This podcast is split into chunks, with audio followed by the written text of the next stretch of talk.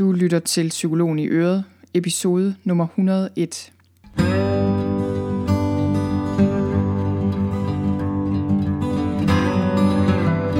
Velkommen til Psykologen i Øret. Jeg er psykologen Birgitte Sølstein, og Øret, det er dit.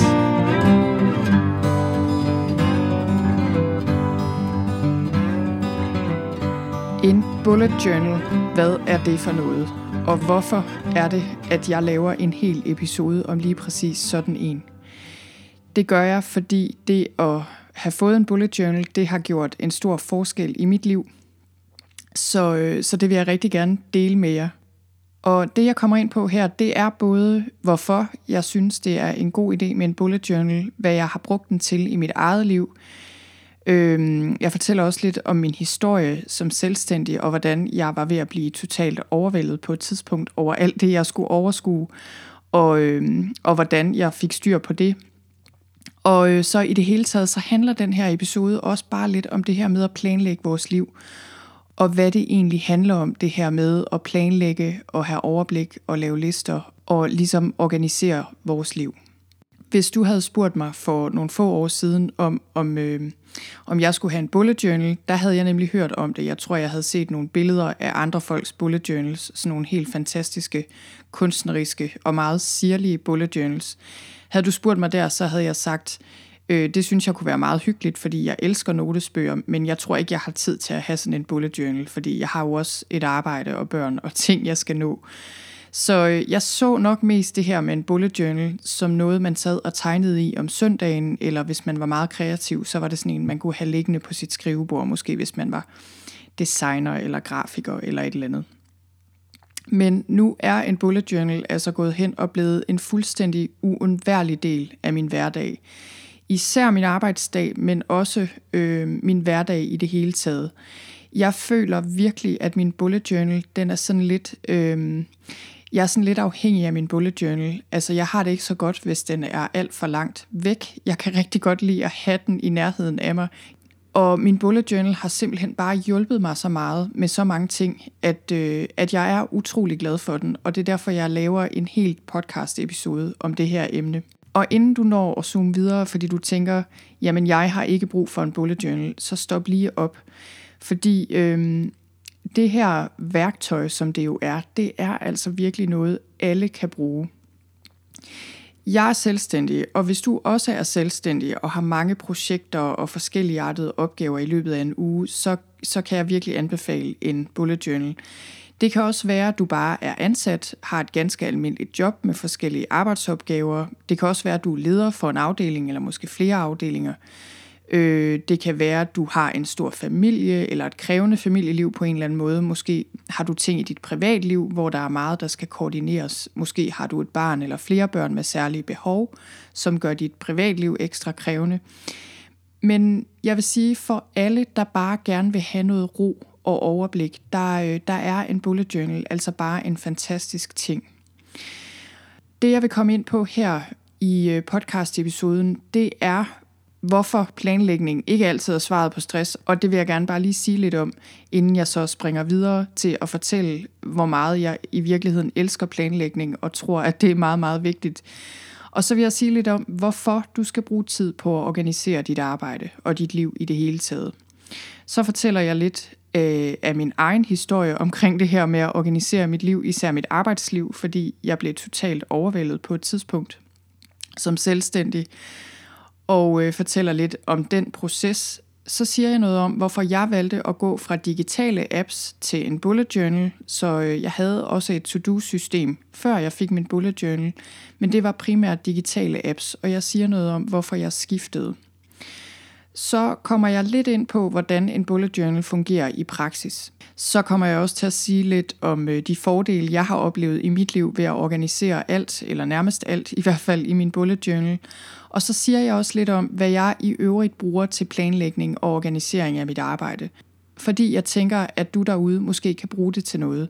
Så øhm, først det her med, at planlægning ikke er vejen ud af alvorlig stress. Øhm, jeg tænker, at planlægning kan være en rigtig, rigtig god ting i forbindelse med stress, men hvis du først er ramt af alvorlig stress, hvis du først er på kanten til seriøs stress, så øh, er det nok ikke lige planlægning, du skal tage fat på. Der tænker jeg, at det du skal, det er at give slip på alle idéer om planlægning, og så sørge for at få det bedre. Når du så på et tidspunkt er klar, når din hjerne er klar til at forholde sig til noget som helst, så kan det være et godt tidspunkt selvfølgelig at, øh, at få et godt værktøj, som kan hjælpe dig med at planlægge din tid og holde overblik over alle dine to-dos og dine projekter osv. Og når jeg siger det her nu, så er det fordi, jeg synes faktisk, jeg ser rigtig mange, der netop prøver at planlægge sig ud af stress. Og jeg tror, at det, der sker, det er, at når man først er rimelig stresset, så kan det virke som om, at det er det, der skal til. Altså man prøver ligesom at bekæmpe stress øh, med at være mere effektiv og mere organiseret og være mere øh, skarp ved for eksempel at meditere, så man bliver bedre til at fokusere og alt det her.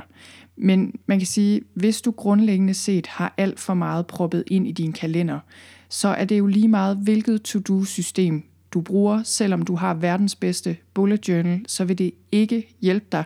I virkeligheden vil det bare være en del af problemet, kan man sige.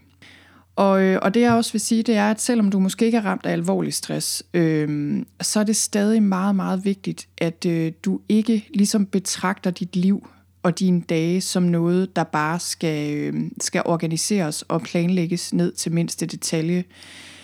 Dit liv skulle helst ikke føles som en lang to-do-liste. Jeg tænker, mange af os kan havne i en situation, hvor det er sådan, livet føles, men det er jo ikke meningen. For mig er meningen med god planlægning jo netop, at man kan slippe alle tanker for en stund og bare nyde der, hvor man er. For mig handler god planlægning også rigtig meget om at minde mig selv om, hvad der er vigtigt i mit liv, og så handle efter det, så jeg for eksempel ikke hele tiden har travlt med arbejde eller alt muligt andet praktisk. Og jeg synes også, at god planlægning hjælper mig med at være effektiv på mindre tid, så, så det vil sige, at jeg simpelthen har mere tid til at trække vejret og lave ingenting på andre tidspunkter. Og så føler jeg også, at god planlægning giver mig mere tid til øh, alt det sjove, til at, at bare være med det, der er, og være kreativ og, og gøre spontane ting. Fordi det hele ikke bliver sådan en gang brændslukning, hvor jeg hele tiden halser efter, og aldrig rigtig nogensinde kommer til det, der betyder noget. Hvis jeg skulle have lov at bestemme, så skulle vi alle sammen bruge noget tid på at organisere vores arbejde og vores liv. Og det er meget interessant det her, fordi jeg tænker, at mange af os bruger jo enormt lang tid på vores arbejde. Øh, vi bruger mange, mange timer hver uge på at arbejde.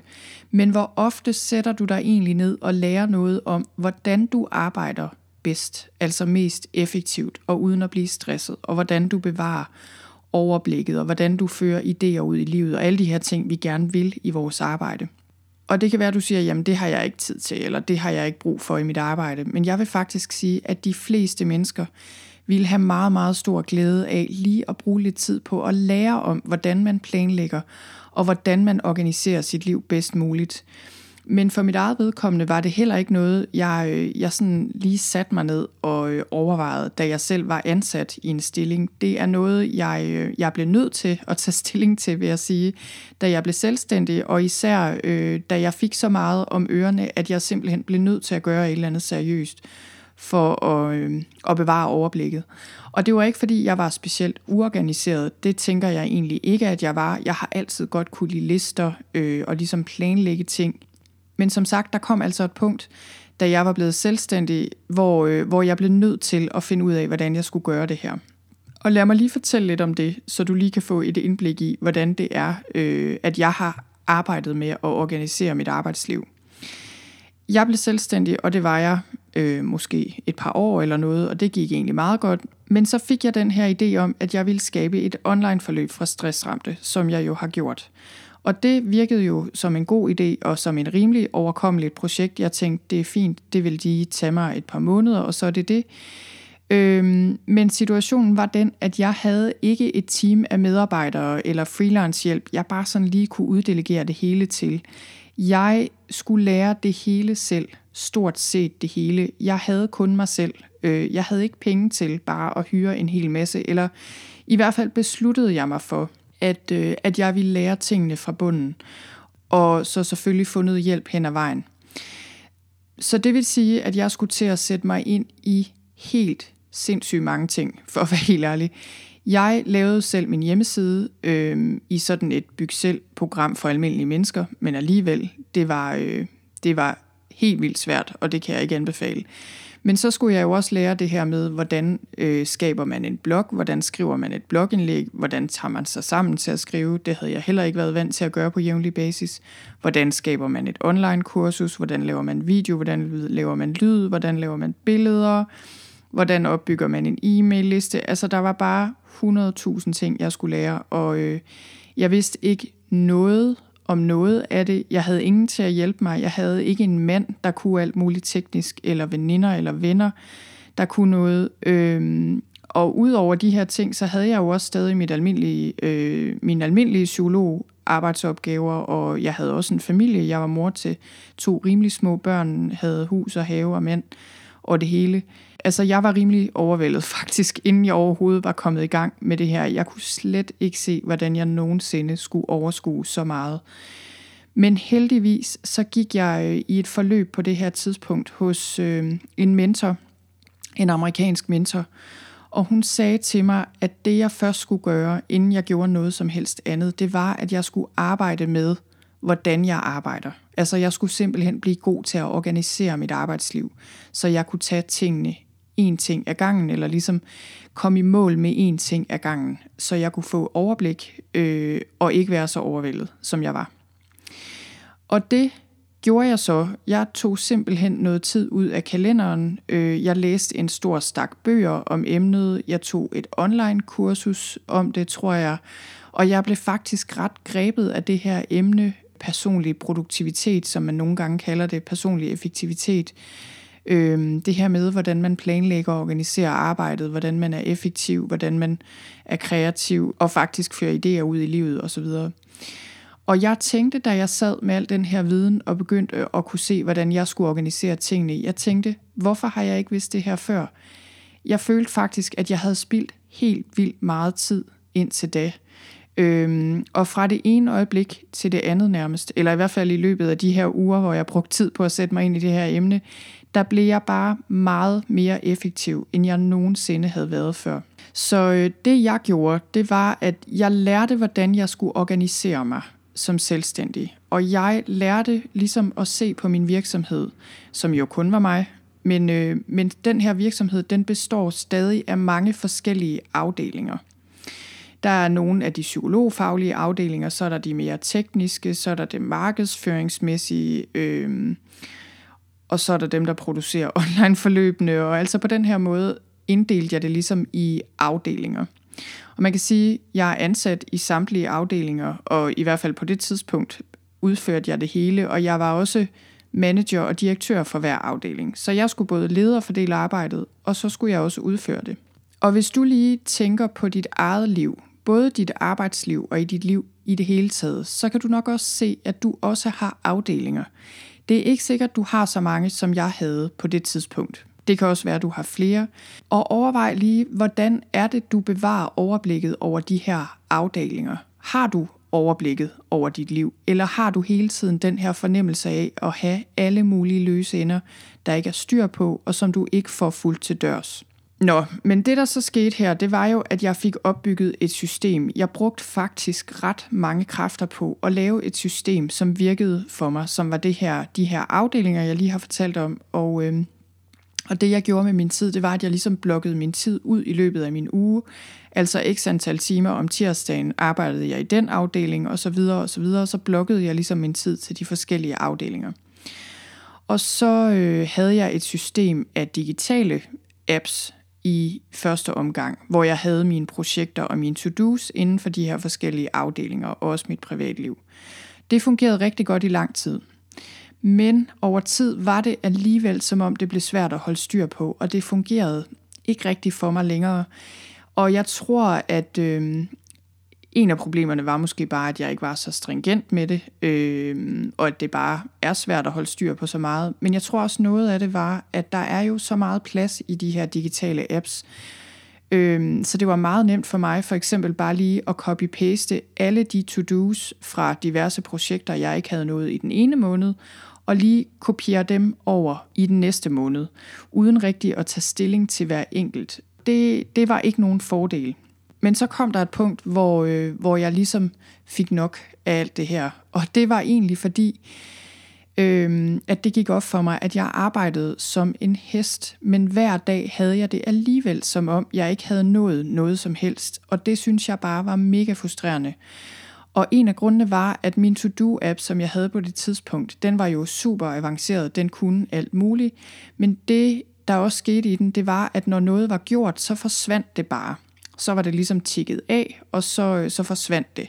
Og tilbage var kun alle de ting, jeg ikke havde nået, og dem var der vildt mange af. Og så faldt jeg tilfældigvis over noget, en forfatter havde skrevet om det samme problem. Han øh, havde også siddet med den her frustration. Nu havde han så fået en bullet journal, og nu styrede han alle sine projekter, øh, alle sine to-dos deri, og nu kunne han faktisk se, hvad han havde udrettet. Fordi når man tigger noget af i en bullet journal, så bliver det der jo. Man sætter bare et kryds ud fra den to-do, man har lavet. Det virkede som noget, jeg havde brug for på det tidspunkt. Og jeg vil sige, i det hele taget, så, øh, så ramte det her mig også på et tidspunkt, hvor jeg generelt var i gang med at rydde op i mit liv, gøre tingene mere enkle. Og så har jeg bare altid elsket notesbøger også. Og på den måde tænkte jeg, en bullet journal, det er lige mig. Og nu vil jeg sige lidt om, hvordan en bullet journal fungerer i praksis. Og det her, det er som sagt altså ikke nogen øh, detaljeret vejledning i, hvordan man fører en bullet journal. Man må også selv om, hvordan man fører en bullet journal for den sags skyld, men der er ligesom nogle basics, som det godt kan betale sig at lære og starte med, og så kan man altid tilpasse det senere. Men ophavsmanden til bullet journals, det er en designer, der hedder Ryder Carroll, som selv øh, kæmpede med at bevare overblikket over sit arbejde på grund af en opmærksomhedsforstyrrelse, han har. Så han havde rigtig svært med det her med at øh, organisere og holde overblik over ting. Og han endte med at udvikle den her metode til sig selv, som nu er, øh, er kendt i hele verden, og som millioner af mennesker over hele verden kan bruge opmærksomhedsforstyrrelse eller ej. Og en bullet journal, som sagt, øh, kan man bruge på, på de måder, man vil. Men altså i bund og grund er det en notesbog, du har, som du kan bruge til at organisere dit liv her og nu. Du kan bruge den til at kigge tilbage og ligesom tracke alt det, du har gjort, øh, det du har oplevet, det der er sket. Og du kan planlægge din fremtid også.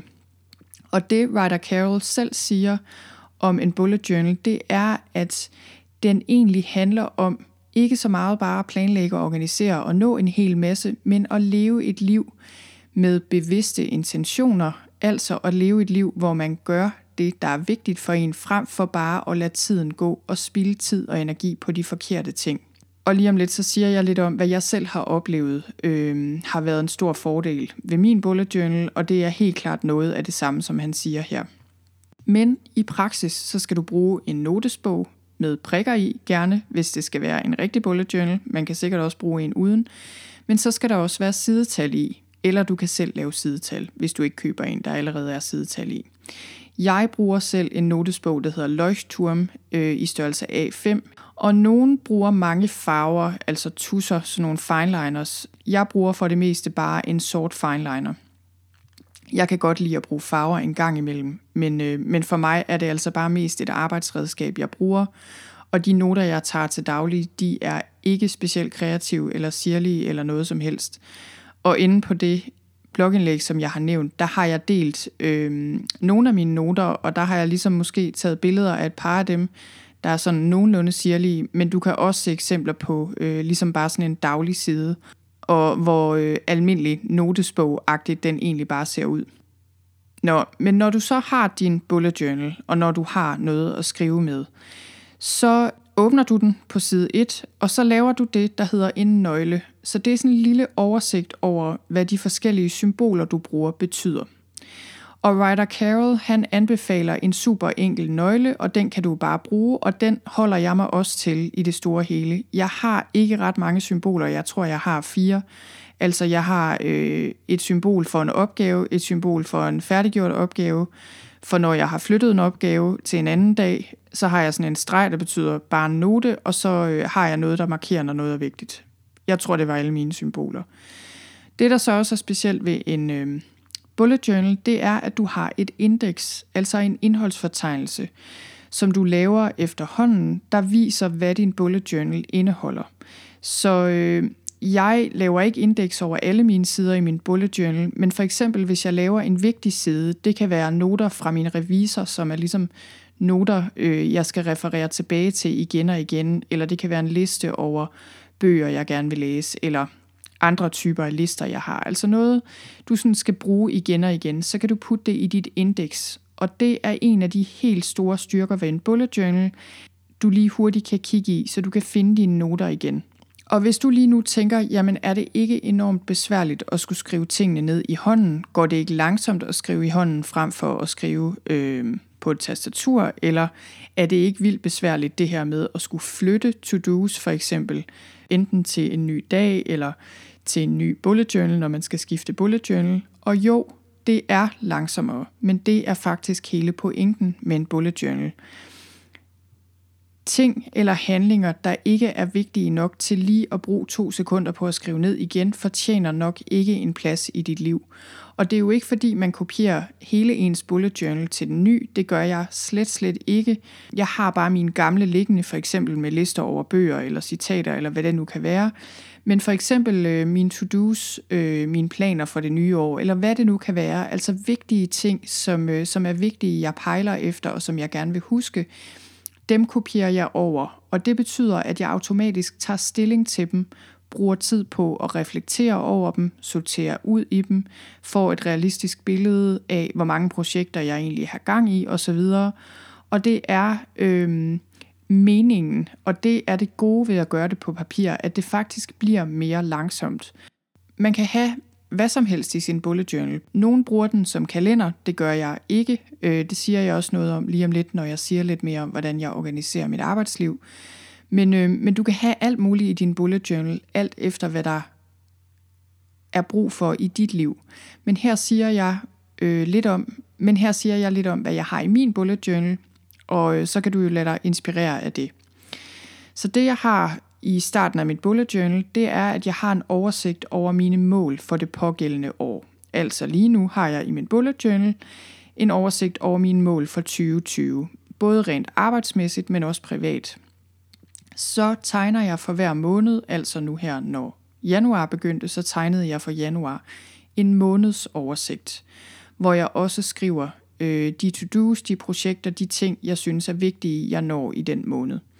Så har jeg for hver uge en ugeoversigt. Det er ikke noget vildt, men det er bare sådan lige en liste over de vigtigste ting, jeg skal nå i den uge. Og det er jo ikke fordi, jeg skriver alle møder øh, og alle samtaler osv. ned i min bullet journal. Dem har jeg over i min kalender. Så det er mere sådan alt andet ud over det, der er planlagt på et bestemt tidspunkt. Så har jeg forskellige lister øh, i min bullet journal, og Ryder Carroll han kalder det her collections, altså små samlinger af ting og sager, man kan have. Nogle øh, bruger også tracker, altså hvor man tracker noget. Det kan være, hvis man er ved at tabe sig, så tracker man sin vægt, eller hvis man er ved at spare op, så tracker man sin opsparing. Det gør jeg ikke så meget, øh, men jeg har mange lister. Og nogle af de lister, jeg har, det er, at jeg har en liste over skriveidéer til min blog og til andre ting. Det er, det er en meget lang liste, kan jeg afsløre. Så har jeg en liste over bøger, jeg gerne vil læse.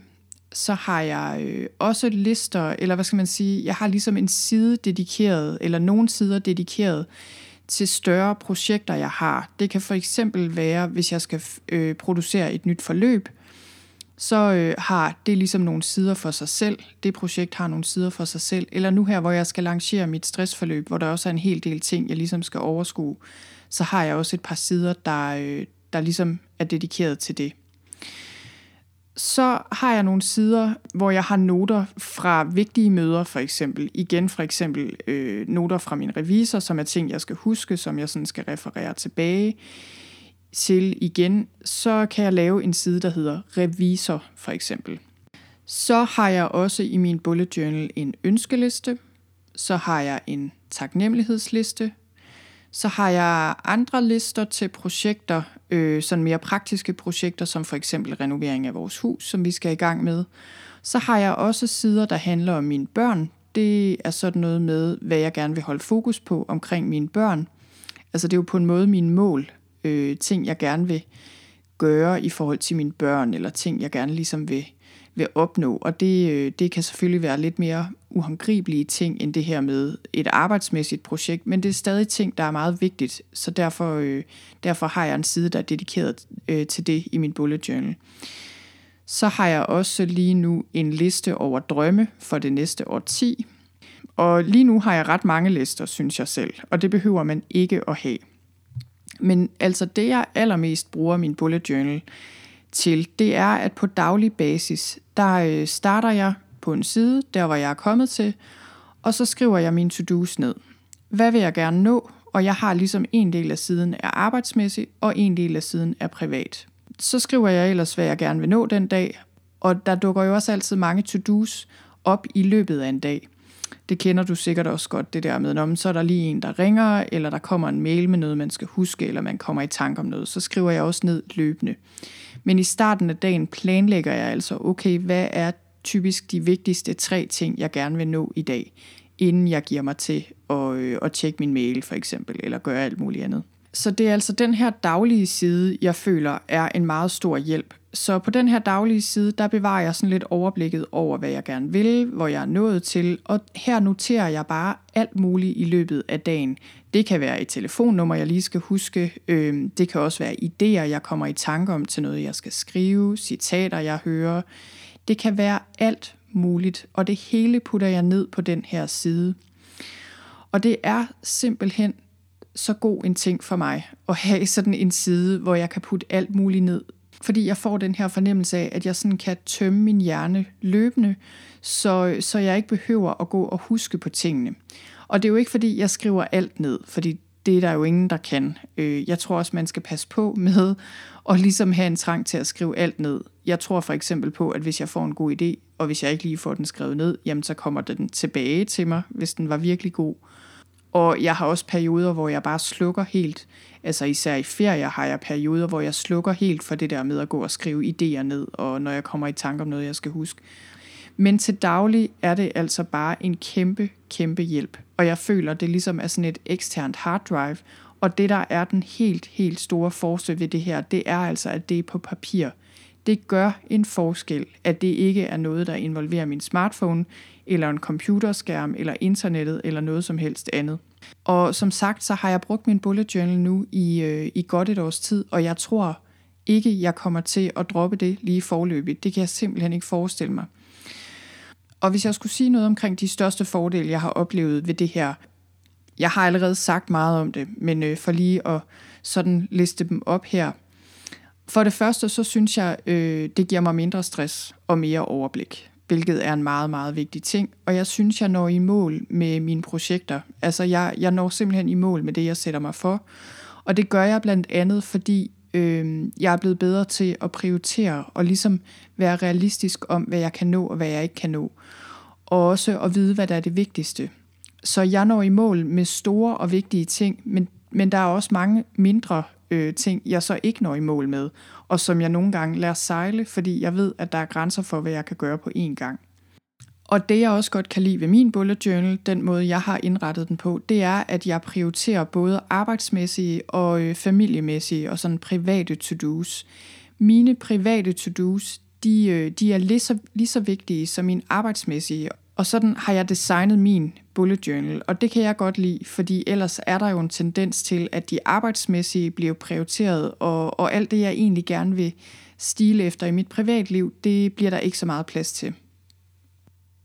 Og så er der det her med, at jeg bare elsker at skrive tingene ned i hånden. Øh, der er bare et eller andet med det her med at skrive tingene ned i hånden på papir, som jeg godt kan lide. Og, og det jeg også godt kan lide, det er, at alle mine noter og idéer osv., de er samlet et sted. Og før der var de sådan mere spredt for alle vinde, og jeg kunne ikke finde dem, når jeg skulle bruge dem. Og det er ikke fordi, jeg skriver faktisk ofte stadig mange af mine indfald og ting og sager ned på alle mulige papirlapper, eller hvad jeg nu lige har ved hånden. Men så sørger jeg for en gang imellem sådan lige at få det hele samlet og få det puttet ind i min bullet journal.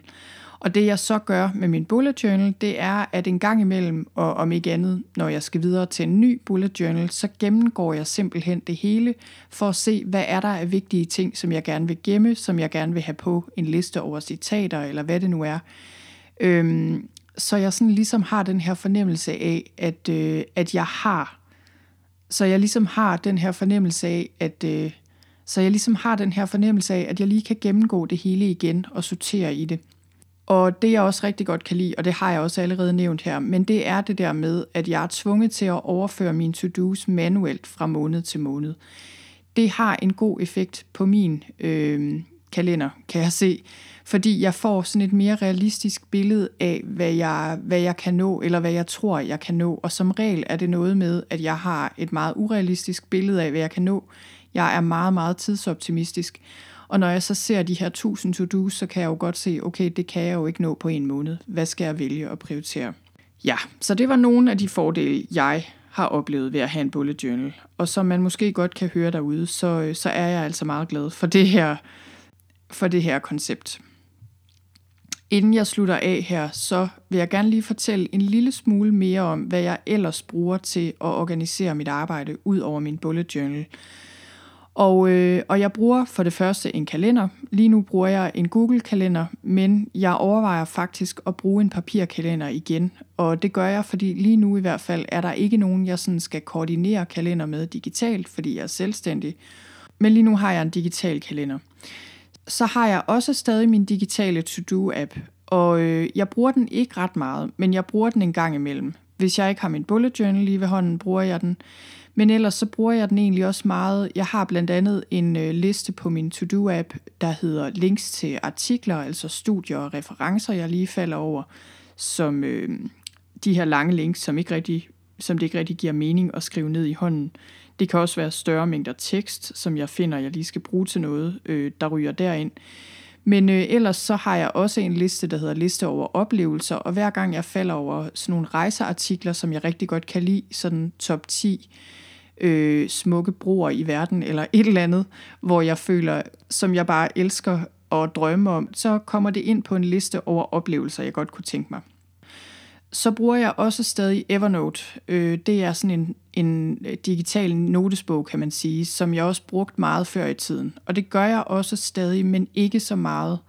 Men det jeg stadig bruger den til, det er øh, nogle ting, links til opskrifter, øh, igen ting med større mængder af tekst eller billeder eller andre ting.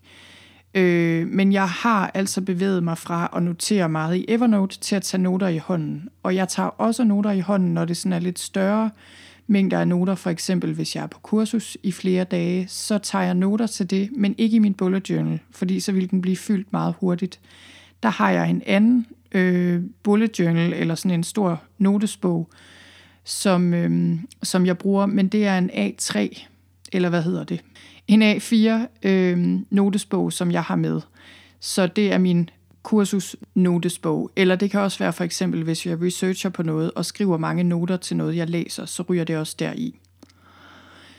Nå, men øh, det tror jeg var, øh, var sådan de værktøjer, jeg bruger til at organisere min dag så vil jeg også sige, at jeg har et princip, der hjælper mig meget i forhold til at organisere mit arbejde. Og det er, at øh, jeg arbejder 30 timer om ugen i gennemsnit. Og så øh, holder jeg minimum 6 ugers ferie om året. Jeg tror også, jeg holder lidt mere. Men det nævner jeg her, fordi jeg synes, det også er noget, jeg faktisk bruger meget som sådan en ramme om min arbejdsdag. Og når jeg har besluttet mig for kun at arbejde 30 timer i gennemsnit om ugen, så er det jo for ikke at komme til at arbejde for meget. Det kan man meget nemt komme til som selvstændig. Og øh, man er ikke nødvendigvis mere effektiv på 37 timer, eller 40 timer, eller 60 timer, end man er på 30 timer.